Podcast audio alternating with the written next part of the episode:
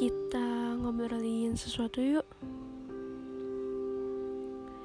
Kita ketemu untuk pertama kalinya via suara dengan gue Nabila di podcast Diksi Hampa.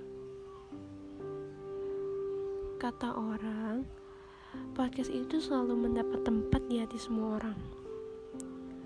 Gue jadi tertarik untuk berbagi sesuatu hal atau apa pun yang ingin gue obrolin di sini. Untuk pembahasan kali ini, kita bakalan ngomongin perihal tiga kemungkinan. Tiga kemungkinan ini biasanya ada di sebuah hubungan. Beberapa waktu ke depan akan ada tiga kemungkinan. Pertama, kau dan aku akan melangkah ke jenjang yang baru. Kedua, kau dan aku akan lebih bersabar menunggu waktu. Ketiga, kau dan aku akan menjadi orang asing yang berusaha menggosok masa lalu.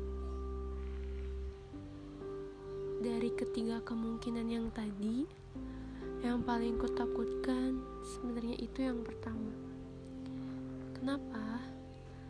Aku hanya takut kalau ternyata aku tidak mampu jadi yang terbaik untukmu.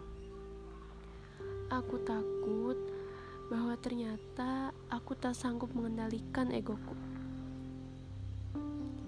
Juga yang paling aku takutkan, aku dan kamu akan sampai pada masa pengabdian di mana tenaga dan waktu akan sama-sama kita abdikan untuk bisa saling membahagiakan.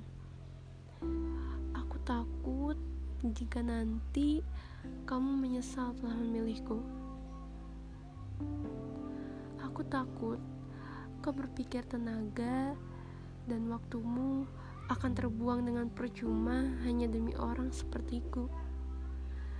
Namun, di antara semua ketakutanku, yang paling membuatku lega adalah aku memilihmu.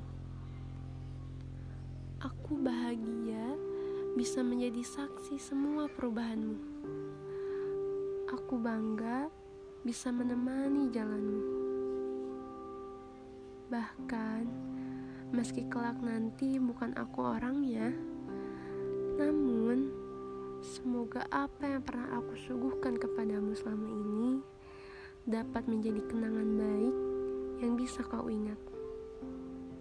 Bahwa pernah ada seseorang di hidup kamu yang mencintai kamu setengah mati, sekuat besi, sepenuh hati, yaitu aku.